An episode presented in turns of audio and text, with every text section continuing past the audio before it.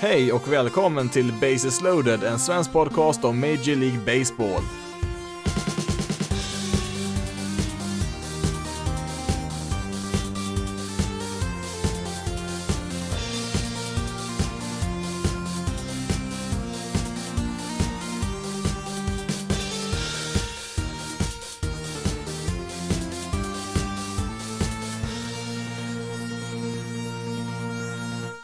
Hej och välkommen till Bases loaded, en svensk podcast om Major League Baseball och eh, det blir ett eh, kort avsnitt denna gång eh, med ett par uppdateringar från veckan. Det händer väl nästan mindre och mindre för varje vecka som går just nu, men ja, vi har väl ett par saker här i alla fall. Något positivt, det är väl att det sägs att, i alla fall bland de som är mer insatta i det här, att de tror väl att det mer eller mindre är garanterat att det kommer att bli någon form av spel i år, men ja, alltså även om, om det blir spel i år så kommer det ju dröja ett bra tag till innan eh, det faktiskt är aktuellt, så att eh, vi får nog vänta ett tag till som sagt här, men eh, förra veckan så pratade jag om den här Arizona-planen som fanns, Alltså den här planen då som går ut på att placera alla lagen på ett eller kanske ett par platser i USA för att spela alla matcherna då på ett begränsat område nu när man inte kan resa omkring hur som helst. Men under veckan här nu så kom det även ut en tredje plats man skulle kunna tänka sig att använda i någon kombination med de andra då, alltså i Texas då skulle man kunna tänka sig att spela också och där har vi då två arenor i, i Houston och i Dallas, eller ja, nu ligger väl Rangers arena tekniskt sett i Arlington då ett par mil ifrån Dallas då, men eh, det viktiga där är att båda de två arenorna, likt eh, de arenorna som finns i Arizona och Florida, har ju tak över sig. Och det är ju så här att om det ska spelas eh, matcher då på bara några få arenor under den här säsongen då så lär ju tak nästan vara ett krav på de arenorna för det innebär ju ett fullspäckat spelschema då som gör att man eh, inte direkt kommer att ha råd med inställda matcher då på grund av vädret där så att man kommer ju behöva tak om man ska göra det på ett sånt här begränsat område. Eh, I de där tre delstaterna då, sammanlagt då, Texas, Arizona och eh, Florida, så finns det då fem arenor med tak och sen finns det även då mm, eh, Milwaukee och Seattle, de har ju även tak på sina arenor där så att Ja, nu ligger väl de lite väl isolerade i Milwaukee och Seattle då, så de kanske inte blir något alternativ där, men det finns totalt sju baseballarenor då i MLB just nu som har tak över sig då. Eh, både Houston och Arlington har ju dessutom en NFL-arena med tak över sig där som eventuellt skulle kunna anpassas för baseball också då och sen så har vi även NFL-arenan då i Phoenix då, ja i Arizona då såklart, eh, har ju även den tak över sig där så att eh, eh, det finns väl eh, i alla fall möjligheter till att eh, få fram fler planer med tak över sig då om man verkligen skulle behöva det. Hur som helst så är det väl inga andra större nyheter på den fronten i alla fall när det gäller spel i MLB utan det lär ju som sagt dröja ett tag till innan eh, det kommer bli något spel. Eh, något positivt då, det är väl att i Taiwan så har man återupptagit spel i sin baseballliga nu här. Eh, kanske inte någon superkvalitet på den ligan där jämfört med MLB såklart, eh, men det är i alla fall professionell baseball där som man kan kika på och det finns ju en annan spelare som faktiskt har kommit därifrån som spelat i MLB. nu har väl i och för sig inte speciellt många hittat någon större framgång så i MLB då, men vi har ju till exempel Wei Jin Chen, pitcher för Orioles och senast för Marlins. Han hade väl några bra säsonger där. Eh, har väl sett att det finns lite livestreams eh, från de matcherna som man kan kolla på om man eh, har, verkligen har abstinens där. Sen så eh, är det ju så här att den sydkoreanska ligan, Korean Baseball Organization, eller KBO, kommer att starta den 5 maj, alltså om en vecka här, och där har vi i alla fall en liga som håller rätt hygglig klass, kanske på AA eller AAA-nivå där någonstans. Vi har ju till exempel spelare som eh, Shin Soo Chu och eh, Jun Ryu som sticker ut lite extra där som ett par tunga profiler från Sydkorea där. Även Ji-Man Choi har vi där så att eh, Ja, sen har vi även en del amerikanska spelare som åker över dit eh, för att spela när det inte riktigt har fungerat för dem i MLB-systemet. Eric Thames är ett sånt exempel, han var ju ett stort utropstecken där i KBO för några år sedan. Eh, han var ju så bra där att han fick smeknamnet Gud, eh, alltså inte någon specifik Gud utan bara Gud, eh, det var liksom hans smeknamn där, vilket kanske säger en hel del om hans framgångar där. Det gjorde att han faktiskt fick ett MLB-kontrakt där sen med Milwaukee Brewers där han spelat de senaste åren där innan då i vintras och skrev på för Nationals. I alla fall då så håller ju KBO en relativt hög nivå då och skulle väl vara lite intressant att kolla på då i brist på annat såklart då. Man vet inte om det finns någon möjlighet här i Sverige att se på de matcherna när det väl startar där. Eh, det enda jag sett är ju att ESPN där förhandlar om att visa en del matcher där, men det berör ju endast de amerikanska tv-tittarna så att eh, Ja, innan MLB drar igång så skulle jag nog absolut kunna tänka mig att kolla på sydkoreansk baseball då, om möjligheten finns då såklart. Vi fortsätter då med den största nyheten från eh, veckan som gick här och det är ju då att Boston Red Sox nu har fått sitt straff för sitt sign stealing fusk. De var ju under utredning då likt Houston Astros här under vintern men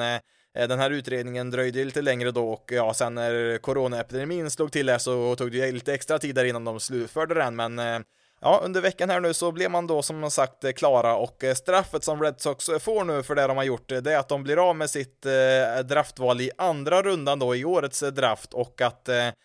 videokoordinatorn JT Watkins stängs av under hela 2020 och får inte jobba dem under samma jobbtid till under 2021 och ja, det var i princip där det var.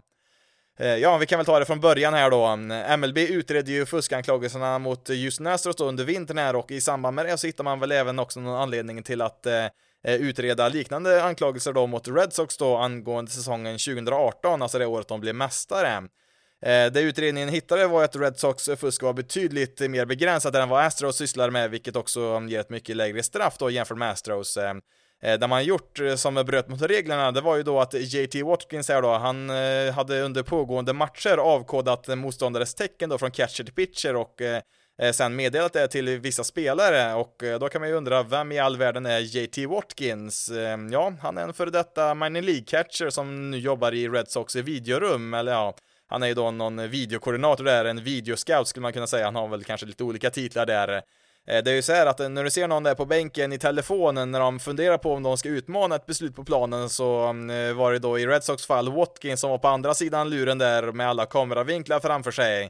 En annan del av hans jobb, det var ju också att kolla på motståndarens tecken då, att ge den informationen till spelare, vilket i sig inte är förbjudet om det sker före eller efter matcher. Eh, problemet var ju att han enligt utredningen då gjorde detta vid vissa tillfällen då under pågående matcher. Alltså det är ju alltså fullt tillåtet att innan matcher eh, sitta och titta och kolla på film då från andra matcher för att se eh, vilka tecken som motståndarna använder. Alltså det är ju saker som till och med du och jag skulle kunna göra själva på MLB TV om vi verkligen vill göra det. Eh, det är ju bara så att man sätter och tittar så kan man ju se ganska ofta i alla fall catcherns tecken då på tv-kameran så att eh, det är någonting som vem som helst kan göra och det är ju som sagt tillåtet då Ehm, det är också tillåtet att använda den informationen under en match eh, när en spelare står då på andra bas då till exempel och kan se tecknet och sen förmedla det till slagmannen. Regelbrottet här då, det är ju att eh, Watkins ibland märkte att hans scouting-rapport då på motståndares tecken kanske inte längre stämde. Alltså han hade ju då innan matchen då berättat vilka tecken som de brukar ge då, vilket är tillåtet då, men Eh, när han då märkte mitt under en match att nej, nu har de visst bytt tecken här, så gjorde han ju så att han faktiskt meddelade vid något tillfälle då mitt under en match, vilket då inte är tillåtet, alltså man får inte använda eh, kameran då mitt under en match för att eh, koda av de här tecknen då, utan det får man då som sagt göra före och efter matcherna och eh, ja, kanske kan tyckas vara en ganska hårfin gräns man har klivit över här, men eh, hur man än vrider och vänder på det så har man ju faktiskt brutit eh, mot reglerna här från Red Sox sida. Till skillnad från Astros då så hade man dock inget system som gjorde att man kunde förmedla de här tecknen då till slagmannen eh, hela tiden så här, alltså man hade ingen så här soptunna de kunde stå och banka på där utan eh, den enda gången man kunde utnyttja det här, det var ju när man hade en base runner på andra bas, vilket motsvarar ungefär 20% utav Red Sox plate appearances eh, 2018. Eh, alltså vid 80% av spelet skulle man kunna säga då, om man vänder på det så kunde ju då Red Sox inte utnyttja detta, så att det var ju vid begränsade tillfällen som man kunde använda den här informationen då som man egentligen inte fick använda. Så ja, det var ju ett regelbrott här, det var det ju, men i jämförelse då med Astros så var det ju ganska tamt, vilket vi också ser i straffet, alltså eh, man kommer ju undan här med att eh, bli av med bara ett draftval då i andra rundan och att en videoscout får hitta ett annat jobb här ett par år. Ehm, det här grundar sig väl kanske i att Astros inte fick ett sådär jättehårt straff till en början där så att eh, ja, då måste ju Red Sox straff bli betydligt mindre då med tanke på vad de gjorde. Enligt utredningen då här så visste ju inte de flesta spelarna ens om att eh, det här skedde och eh, ja, inte heller deras dåvarande manager Alex Cora ska ha varit medveten om just detta fusk, vilket är lite extra intressant. Eh, Cora var ju för övrigt drivande i Astros fusk 2017 när han var deras benchcoach och mm, ja, nu fick ju för sig då även Cora sitt straff som man har väntat på här och det var ju en avstängning då för hela säsongen 2020 likt AJ Hinch och Jeff Luna men Eh, hans avstängning kommer endast för hans handlingar med Astros och inte för någonting som han gjort i Red Sox. Så, mm, ja, jag är väl inte helt övertygad om att eh, han inte kände till vad som skedde där i Red Sox, även om han kanske då inte var så involverad i det. Eh, det är ju såklart en fråga om vad som kan bevisas här och ja, jag tror nog att fler kände till det här, både spelare och ledare, än vad som sägs här. nu kanske inte alla var direkt inblandade och så, men det känns ju lite som att just JT Watkins här då, alltså han i videorummet där får ta smällen här för alla ja, andra involverade här i Red Sox och eh, nu är det ju så här också att alla spelarna, likt Astro-spelarna, hade fått immunitet här mot deras vittnesmål, alltså att eh, De gick med på att eh, berätta allt de visste då i utbyte mot att de inte skulle få något straff, så att eh, här kunde väl MLB då kanske inte göra så mycket om just spelarna då, så att ehm, Ja, det är väl lite lätt då att lägga skulden på en enda person här som ja, nästan ingen utanför Red Sox organisation ens hört talas om innan här. Och eh, ja, alltså han bröt mot reglerna. Det, det är det väl ingen som förnekar, men det finns nog minst ett dussin personer till som är minst lika skyldiga här skulle jag nog kunna tro.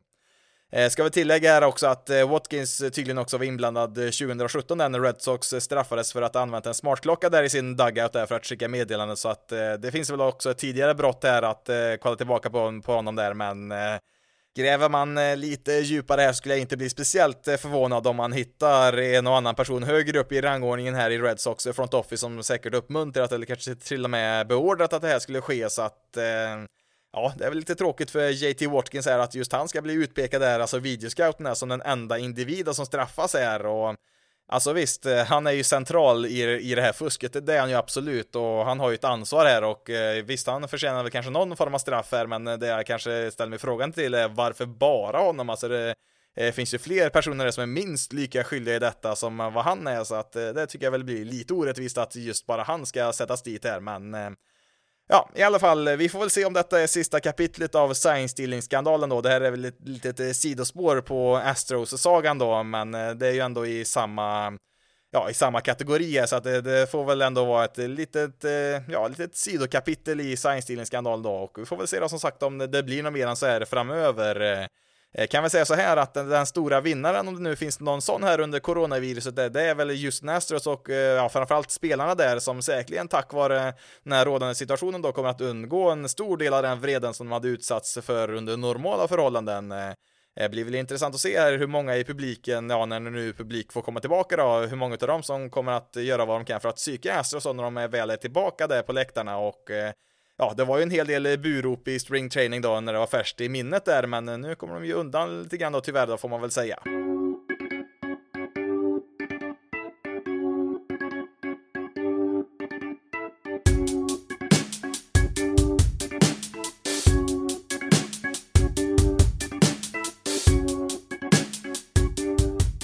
Tar ett eh, par saker till här tänkte jag innan vi avslutar för denna gång och eh, tänkte väl då att vi kan kolla närmare på Minor League Baseball för att eh, till hösten här så löper ju avtalet ut mellan Major League Baseball och Minor League Baseball.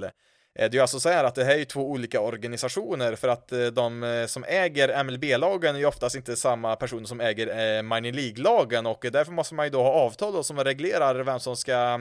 ja, alltså vem av de här parterna då som ska betala för vad? Alltså är det minor League-ägarna ska ju stå för vissa saker och MLB-ägarna ska stå för andra för att eh, MLB-lagen skickar ju ner sina Eh, sina unga spelare, alltså prospects då, som ska utvecklas där innan de kan spela i MLB och eh, då då innebär det ju då att man faktiskt skickar de här spelarna till lag som de själva inte äger. Och ja, då måste man ju ha ett avtal som eh, bestämmer då vem som ska stå för vad. Och exempelvis då så ska ju MLB-ägarna då betala lönerna till spelarna medan ja, till exempel minor League-lagens ägare ska till exempel då finansiera sina arenor och alltså sköta den och så. Så att eh, det innebär ju då att man har ett avtal som eh, säger exakt vilka skyldigheter och rättigheter respektive sida har här. Och i de förhandlingarna som man har just nu då för det nya avtalet, eh, den största punkten där det är ju att MLB vill ju krympa antalet lag, i, alltså antalet minor League-lag till 120 stycken, alltså att varje MLB-lag ska ha fyra stycken minor League-lag och Eh, det här innebär ju att eh, 42 stycken lag kommer att försvinna från det här systemet. Eh, en ganska stor förändring med andra ord och inte helt oväntat har ju då Minor League Baseball sagt att det här vill man ju minsann inte gå med på att bli av med en fjärdedel av alla lag och ja, det kan man ju förstå att de är emot det, men det som är en nyhet i allt det här, det är ju att Minor League Baseball nu faktiskt har gått med på att åtminstone diskutera den här möjligheten att minska antalet lag i utbyte då mot att ja, MLB främst ser till att eh, det finns en möjlighet för de lagen som förlorar sin tillhörighet till ett MLB-lag att eh, fortsätta bedriva sin verksamhet på något sätt. Eh. Exakt vilka lag det berör är väl inte helt klart, men det rör sig ju främst om lag från ja, bland annat norra och nordvästra USA där lagen ligger ganska, i ganska glesbebyggda områden som kanske egentligen inte Eh, har möjlighet att rent ekonomiskt bedriva sin verksamhet utan MLB-stöd och samtidigt så får man ju förstå att MLB såklart vill att deras spelare ska vistas på de bästa anläggningarna som finns för deras utveckling. Eh, eh, det är ju så här att minor League-ägarna, de har väl egentligen ingen som helst motivation att investera i de här sakerna som krävs för att spelarna ska utvecklas på ett optimalt sätt alla gånger så, utan Alltså en minor League-ägare, den tjänar ju inte några pengar på direkt att investera i, ja, alltså i träningsutrustning och alla sådana här kameror som de använder för att eh, analysera spelare och så, utan det kostar ju, det kostar ju bara pengar, det är ju inte någonting de tjänar på direkt så, utan det är ju bara eh, MLB-laget som tjänar på det i framtiden då när spelare blir eh, dugliga MLB-spelare, utan eh, MLB-ägarna och Minor League Baseball-ägarna, de har ju lite olika motivationer här såklart, så att det, innebär att det kan finnas lite meningsskiljaktigheter här vad man vill investera alla pengar på, utan eh, Minor League-ägarna vill ju kanske främst då spendera pengar på att uppgradera sin arena så att publiken får en bättre upplevelse och på så sätt få dit mer folk och tjäna pengar på det sättet.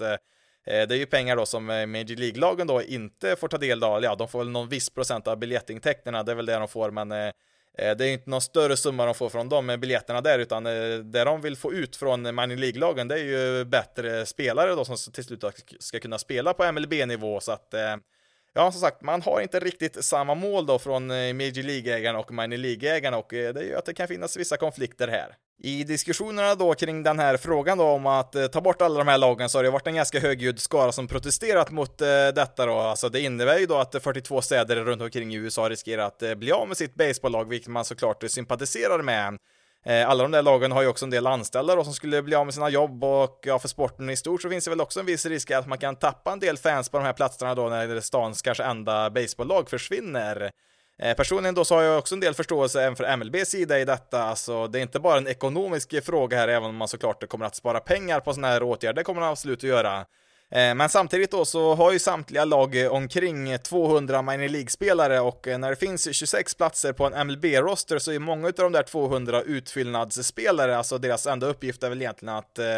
ja, dyka upp och spela matcher där så att de mest lovande spelarna då kan utvecklas under, ja, under matchspel då. Eh, visst händer det väl då och då att en av de där utfyllnadsspelarna då kommer från ingenstans då och etablerar sig i MLB, det händer ju, men eh, det är som sagt eh, många spelare där som aldrig ens kommer att vara i närheten av att eh, spela i MLB. Det är ju såklart eh, jättetråkigt när lag försvinner så är det, det är absolut, ingen vill ju bli av med sitt lokala lag, så är det ju absolut, men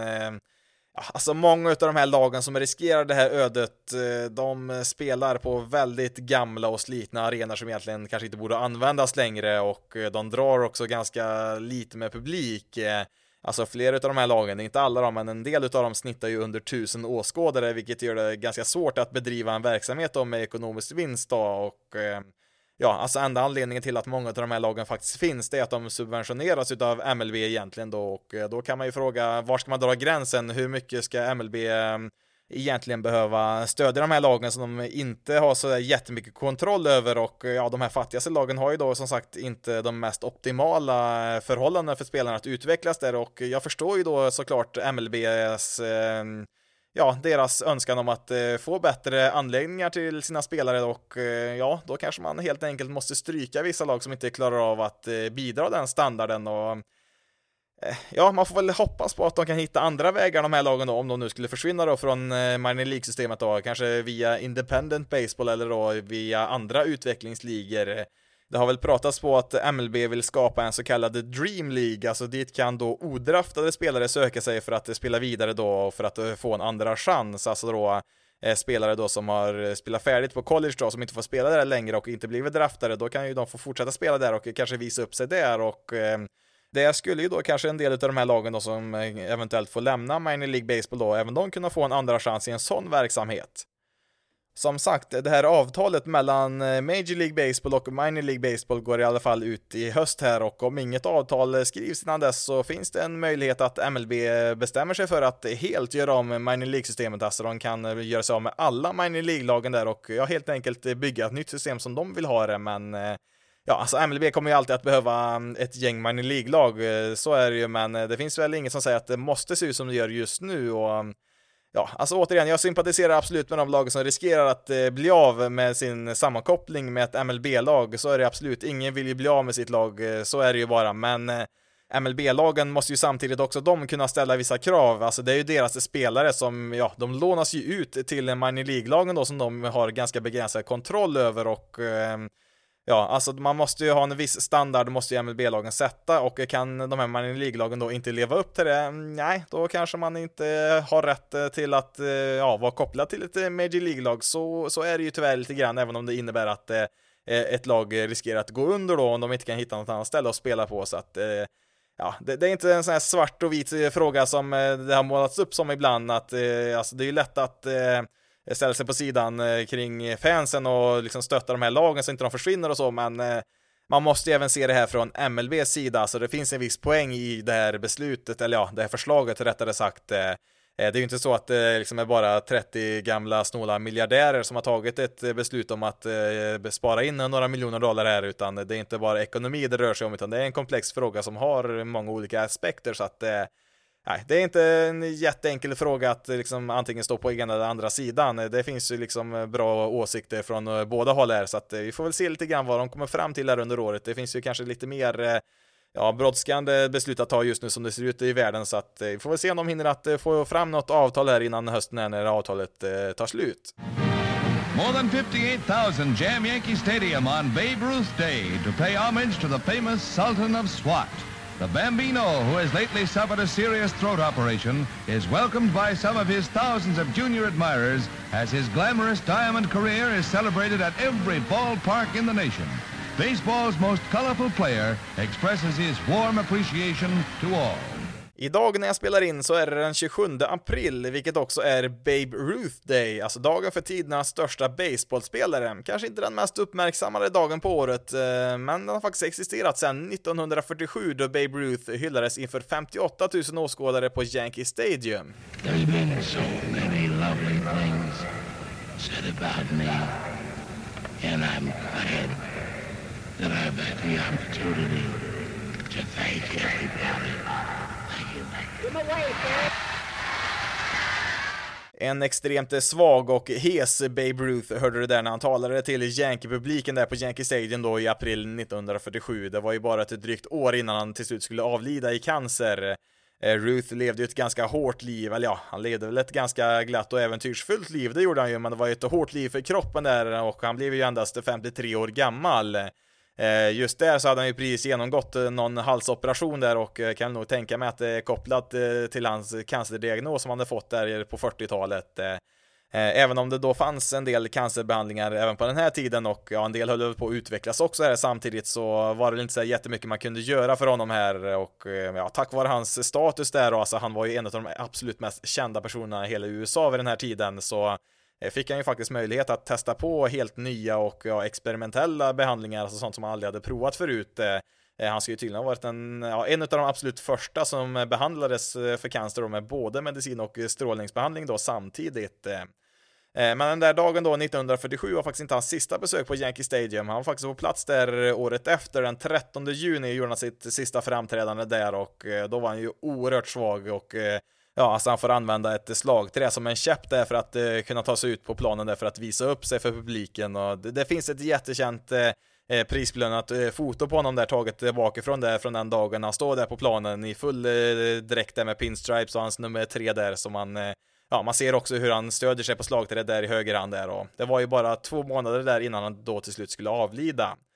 Men vi får väl då passa på att lyfta på hatten då för The Bambino just idag då på Babe Ruth Day. Ja, då får det nog räcka där för veckans avsnitt. Eh, det händer ju som sagt inte speciellt mycket just nu, så får vi se om det finns något att rapportera till nästa vecka eller inte. Eh, du kan följa Basis Loaded på Twitter, Facebook och Instagram, men då letar du upp Basis Loaded SE på de ställena eller letar upp eh, länkarna i beskrivningen på detta avsnitt. Du kan även mejla till basisloaded.se.gmail.com eh, och du kan även betygsätta och skriva kommentarer om den här podcasten i diverse podcastappar som tillåter det. Om du gör det så skulle jag vara väldigt tacksam för det för att det, det gör att andra hittar den här podcasten. Men eh, nu har jag pratat tillräckligt för idag. Mitt namn är Jonathan Fabri. Tack så jättemycket för att du har valt att lyssna på detta avsnitt av Basis loaded. Ni får ha det så bra där ute så hörs vi i nästa avsnitt.